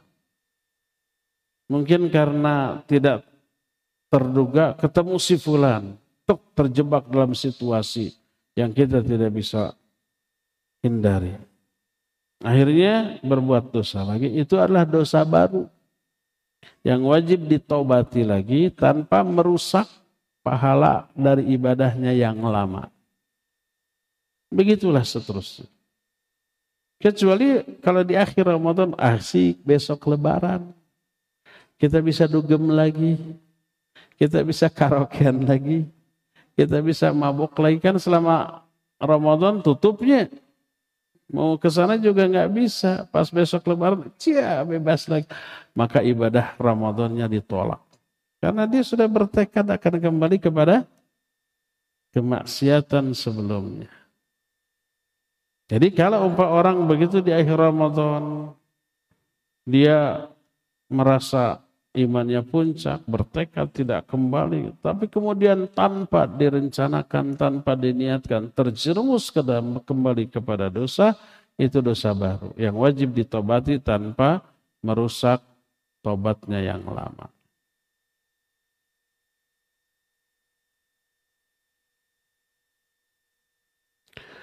Apa lebih baik banyak sedekah dari sebagian harta atau ditabung untuk haji? Ini tidak perlu dibenturkan. Ada alokasi dana untuk menabung untuk haji atau umroh, ada alokasi dana untuk infak dan sodako. Tidak perlu dibenturkan ya.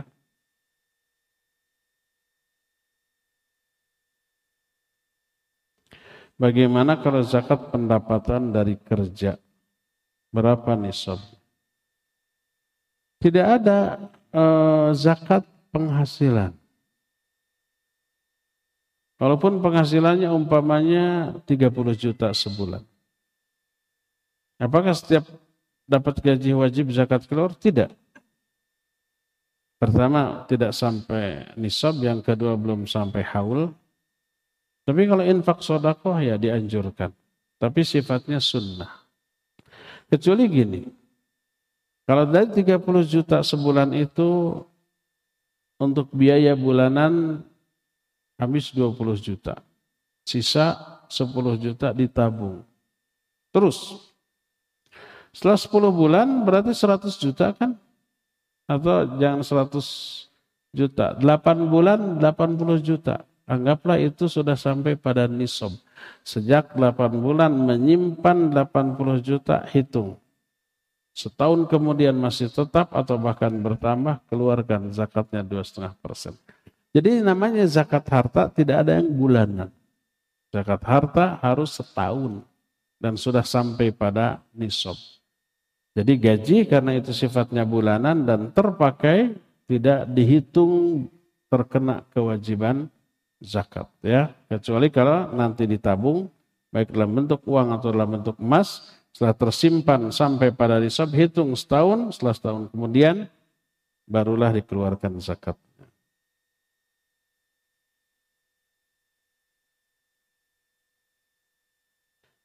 Bagaimana adab hari raya Idul Fitri yang disyariatkan dalam Islam? Adab-adabnya sudah kita bahas sehari sebelum Idul Fitri ya, tapi lewat radio. Di setel aja lagi, ada di YouTube. Adakah kebiasaan saling memaafkan? Tidak ada. Yang ada mengucapkan taqabbalallahu minna minkum di kalangan para sahabat ya. Maha mohon maaf lahir dan batin tidak ada. Minal aidin wal faid, minal aidin wal faizin tidak ada. Itu doa minal aidin wal faizin potongan dari ya sebuah doa yaitu narju an nakuna minal aidina wal faizin. Kita berharap kita termasuk aidin dan faizin. Aidin itu orang yang berhari raya. Faizin orang-orang yang beruntung. Kesalahan orang minal aidin wal faizin diterjemahkan mohon maaf lahir dan batin tidak nyambung. Orang Arab juga bingung apa minal aidin wal faizin. Jadi yang di, yang disunnahkan hanyalah mengucapkan taqabbalallahu minna wa minkum. Ustaz, apa? Ada pertanyaan Ustaz melalui pesan singkat.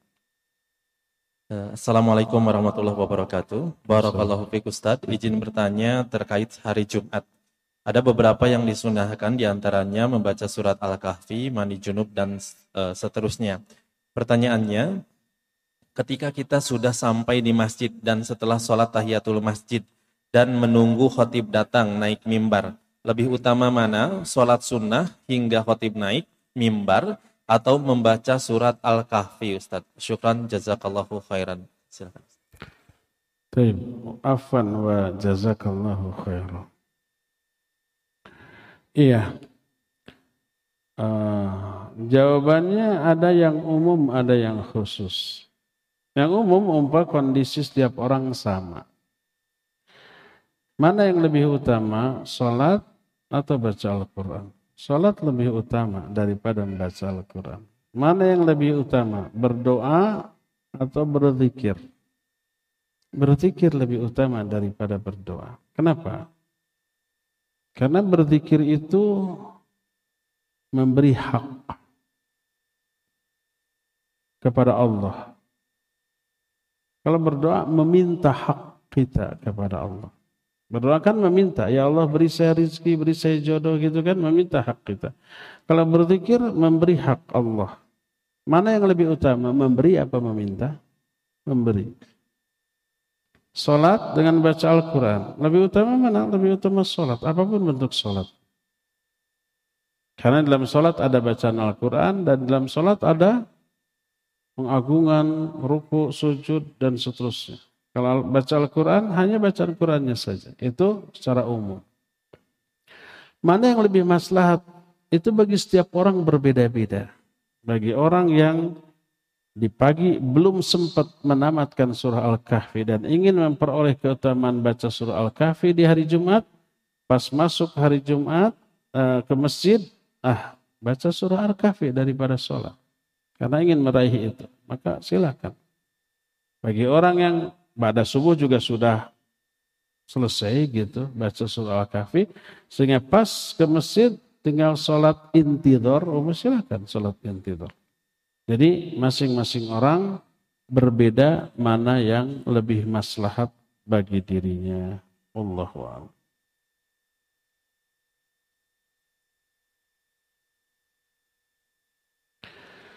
Apa hukumnya berdoa kepada Allah tidak mau menambah anak karena ada masalah inner child, luka pengasuhan yang mengakibatkan melukai secara verbal dan fisik kepada anak sendiri. Sudah ikhtiar perbaiki ketakwaan, berdoa kepada asyifa, konsultasi ke psikolog, ikut seminar, terapi, tapi masih harus terus berproses sembuh. Khawatir kalau nambah anak akan memudaratkan anak dan pasangan Anak saya masih usia 2 dan 6 tahun. Oh, jadi ada kelainan eh, perilaku ya. Jadi galak ke anak, sadis, sedikit salah hukumannya lebay. Tidak sesuai dengan kadar kesalahan si anak. Berobat. Coba rukyah. Tiga ayah setanan. Tak. Boleh enggak? Ya. Intinya begini. Hukum asal menikah tujuan utamanya adalah untuk memperoleh anak. Itu tujuan awal dari pernikahan. Selain ada tujuan-tujuan lain. Ada hikmah-hikmah lain.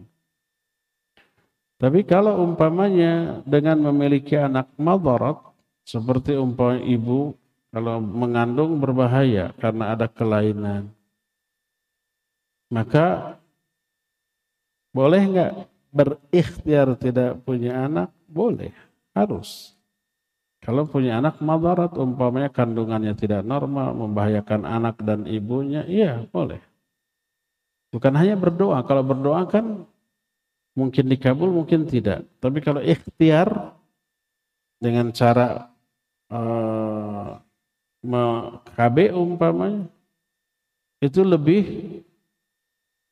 hasilnya lebih besar kemungkinan sesuai dengan harapan. Kalau doa mungkin dikabul, mungkin tidak. Jadi kalau ada udur seperti itu yang memberi maldarat bila punya anak, ya boleh. Berikhtiar tidak punya anak, termasuk salah satu ikhtiarnya berdoa untuk tidak punya anak. Karena kalau punya anak maldarat, dibolehkan.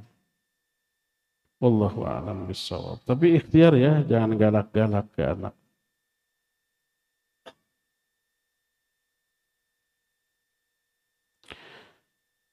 Jika seorang ayah sudah memberikan rumah ke satu untuk anak lelaki pertama, rumah kedua, ketiga, keempat untuk anak perempuannya. Dan ini dibicarakan sebelum meninggal. Apakah anak lelaki pertama berhak meminta jatah dan rumah kedua, ketiga, keempat? Serakah amat. Dia sudah punya yang pertama.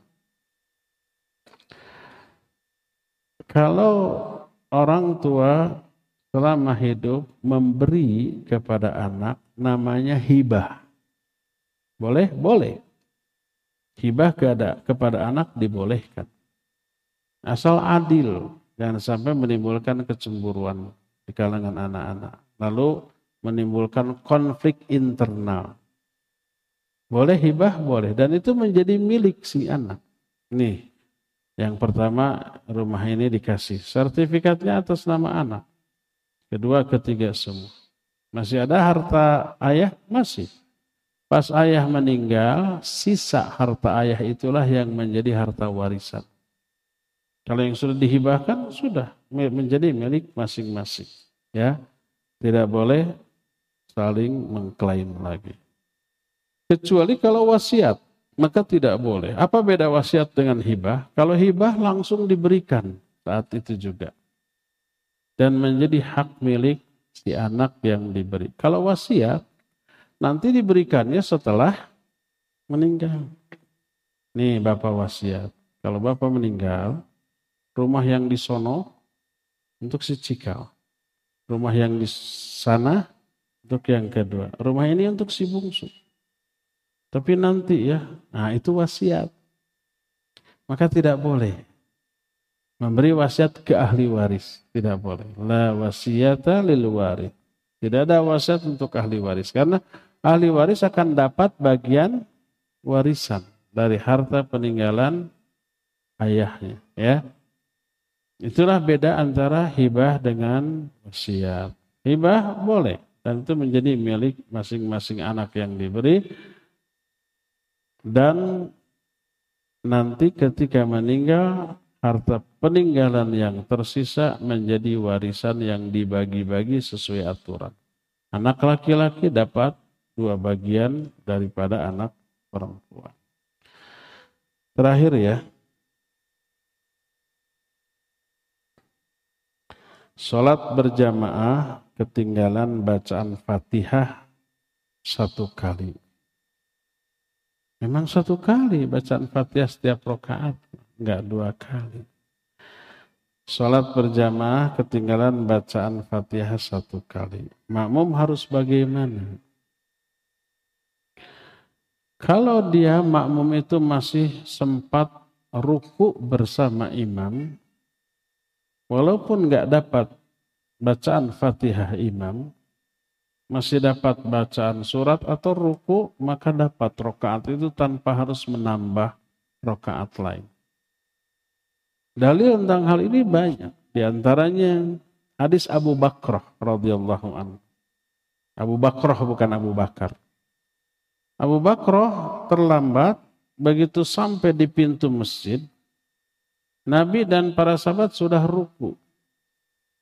Akhirnya dia takbir di pintu masjid Allahu Akbar lalu ruku dalam keadaan ruku dia berjalan menuju saf.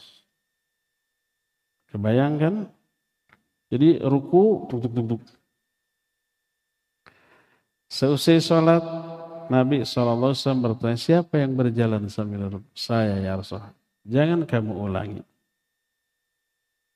Tapi Nabi SAW tidak menyuruh orang itu untuk nambah rokaat menunjukkan rakaat itu dapat. Tapi nanti jangan diulang berjalan sambil ruku. Jadi kalau dapat ruku imam, dapat rakaat. Faman adroka ruku faqad adroka rakaat. Siapa yang dapat ruku imam, dia dapat rakaat tersebut. Walaupun nggak dapat fatihah. Adapun kalau umpamanya begitu masuk, imam sudah sami Allahu liman hamidah, nah, rokaat itu nggak dapat. Nanti harus ditambah satu rokaat lagi seusai imam salam.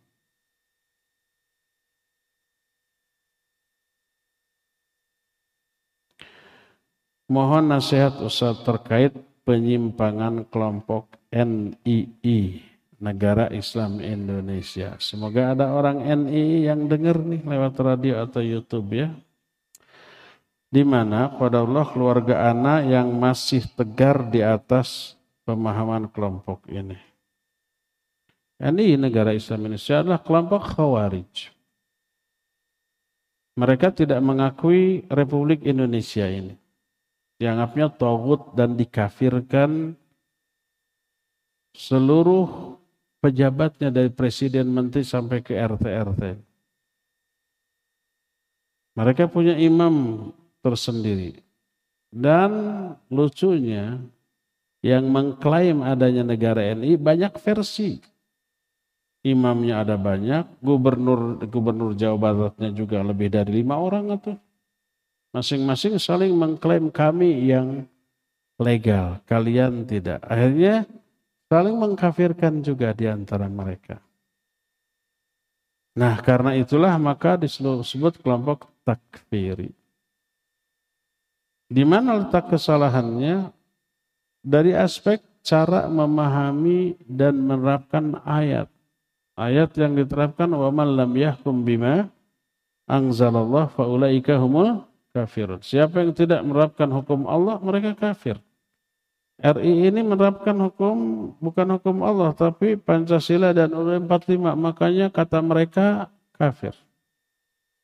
Sejak mulai presidennya, menteri-menterinya, gubernur, wali kota, bupati sampai RT RW kafir. Gimana bantahan para ulama? Pertama, ayat itu ada tiga ada faulaika humul kafirun, faulaika humul fasiqun, faulaika humul. Yang tidak menerapkan hukum Allah kafir, di ayat lain zalim, di ayat lain fasik.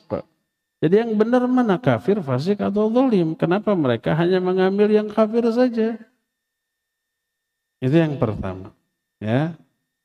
Yang kedua Ibnu Abbas radhiyallahu anhu menyatakan yang kafir di sini kufrun duna kufrin. Itu kufur kecil bukan kufur besar. Apa beda kufur besar dengan kufur kecil? Kalau kufur besar, murtad, keluar dari Islam. Kalau kufur kecil, pelakunya tetap muslim, tapi muslim yang berdosa besar. Dan yang dihukumi kufur itu bukan sekadar yang tidak menghukumi dengan hukum Allah, tapi juga membunuh sesama muslim itu kufur. Hadis yang sahih menyatakan la tarji ba la, la tarji ba'di kufaran yadribu ba'dukum riqaba ba'd. Jangan kalian kembali ke kufuran sepeninggal aku. Yaitu sebagian kalian membunuh sebagian lain. Membunuh kufur. Sibabul muslim fiskun wa qitaluhu kufrun. Mencela sama muslim fasik, membunuhnya kufur. Dah kufur ini kufur kecil kata para ulama. Kenapa? Karena Allah dalam Al-Quran menyebut orang yang saling membunuh dengan sebutan mukmin. Dalam surah Al-Hujurat ayat yang 9, wa in ta'ifatani minal mu'mini naqtatalu faslihu bainahuma. Kalau ada dua kelompok mukmin saling bunuh, saling berperang, damaikan. Masih disebut mukmin. Oh menunjukkan itu kufurnya kufur kecil. Nah itu contohnya ya. Sebagai bukti orang yang menghukum dengan hukum selain hukum Allah tidak murtad adalah di zaman Nabi ada penguasa dia muslim tapi menghukum dengan hukum kafir. Siapa penguasa itu? Penguasa Habsyi, Kaisar Najasyi. Dia masuk Islam. Tapi menyembunyikan keislaman. Bahkan Syekhul Islam Ibn Taimiyah rahimahullah menyatakan dia tidak saum Ramadan, dia tidak sholat. Karena situasi, dia menerima delegasi dari negara lain sampai melewati waktu sholat. Kan dia masih menyembunyikan keislaman. Ketika Ramadan harus makan. Nah baru nanti dikodok selesai itu semua berlalu. Ketika Kaisar Najasyi meninggal, Nabi SAW menyatakan, Matal yauma ahukum soleh. Fasallu alaih. Pada hari ini saudara kalian yang soleh sudah mati. Ayo kita sholatkan. Lalu disolatkan secara gaib. Nabi menyebut ini muslim yang soleh. Kalau dia penguasa tapi tidak menerapkan hukum Allah dalam kekuasaannya. Tidak dikafirkan oleh Nabi SAW. Oleh karena itu, adanya tiga sebutan untuk orang yang tidak menerapkan hukum Allah. Satu kafir, satu fasik, satu dolim dirinci oleh para ulama ini untuk tiga tipikal manusia. Pertama, siapa orang yang menerapkan hukum manusia dengan keyakinan hukum Allah itu sudah nggak berlaku, nggak cocok, buruk, nggak bagus. Ini hukum manusia lebih bagus, ya dia kufur. Karena menganggap produk hukum manusia lebih sempurna daripada produk hukum Allah. Kedua, ada orang yang menerapkan hukum manusia dengan keyakinan hukum Allah terbaik. Hukum manusia ini nggak adil. Tapi karena hawa nafsu. Dengan menerapkan hukum manusia dia untung secara duniawi. Dia bisa berkiprah, dia bisa dapat posisi. Kalau hukum Allah yang diberlakukan, dia akan tersingkir. Dia terapkan hukum manusia. Dengan keyakinan hukum Allah terbaik. Dan dia merasa dosa. Tapi dengan, dengan uh, keuntungan dunia diabaikan dosanya. Orang ini fasik tidak kafir, tidak keluar dari Islam sebab masih meyakini hukum Allah terbaik. Jadi tergantung niat dari orang itu dan situasi yang sedang dihadapi oleh orang tersebut. Tidak dipukul rata semuanya kafir. Ada rincian dari kalangan para ulama. Berdasarkan hal itulah maka tidak boleh kita secara saklek mengkafirkan orang atau penguasa yang zalim yang tidak menerapkan hukum Allah Subhanahu wa taala. Tapi harus ada rincian ya. Wallahu a'lam bishawab. Cukup ya sampai di sini mohon maaf tidak seluruh pertanyaan terjawab karena terbatasnya waktu. Semoga Allah kelak mempertemukan kita kembali di tablik akbar lain dalam suasana yang jauh lebih baik dari yang sekarang. Subhanakallahumma bihamdik asyhadu an la ilaha illa anta astaghfiruka wa atubu ilaik walhamdulillahi rabbil alamin wassalamualaikum warahmatullahi wabarakatuh. Waalaikumsalam. Waalaikumsalam warahmatullahi wabarakatuh. Syukran zakallahu khairan wa barakallahu kepada Ustadz Abu Haidar As-Sundawi hafizahullah taala yang telah menyampaikan kajian tablik akbar dan juga menjawab pertanyaan yang telah diajukan oleh para eh, jamaah dan semoga Ustadz senantiasa dijaga oleh Allah Subhanahu wa taala dan diberikan kesehatan oleh Allah Subhanahu wa taala. Dan kami haturkan terima kasih syukran jazakumullahu khairan kepada para jamaah yang telah hadir Semoga dicatat sebagai amal soleh untuk kita semua dan diberikan kemudahan oleh Allah Subhanahu wa taala untuk memahami faidah-faidah yang Ustadz sampaikan. Ikhwati iman azanillah wa iyyakum hadirin rahimani wa rahimakumullah. Kami informasikan bahwa insya Allah di hari Selasa besok tanggal 11 Syawal 1444 Hijriah atau 2 Mei 2023 pada pukul 9.30 waktu Indonesia Barat akan kembali hadir kajian kitab fikih Asmaul Husna bertempat di Masjid An-Nafi, Dago Pakar Permain 7 Bandung. Dalam pembahasan mengenal makna Al-Fattah bersama Ustadz Abu Haidar Asundawi Hafizahullah Ta'ala. Demikian informasi yang dapat kami sampaikan. Semoga bermanfaat. Subhanakallahumma wa bihamdik. Ashadu an la ilaha illa anta astagfiruka wa atubu ilaik. Wassalamualaikum warahmatullahi wabarakatuh. Satu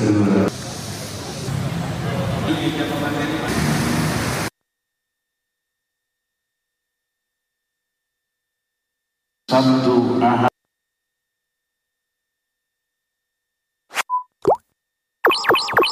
Yuk belanja di TS Mart. Dengan belanja di TS Mart, Anda turut berpartisipasi dalam dakwah yang diselenggarakan YTS.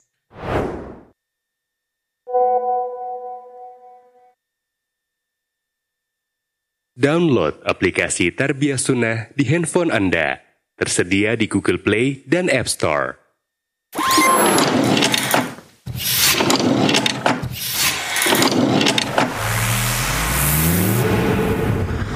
Tarbiyah Sunnah Channel. Lillah, nyunnah, merenah.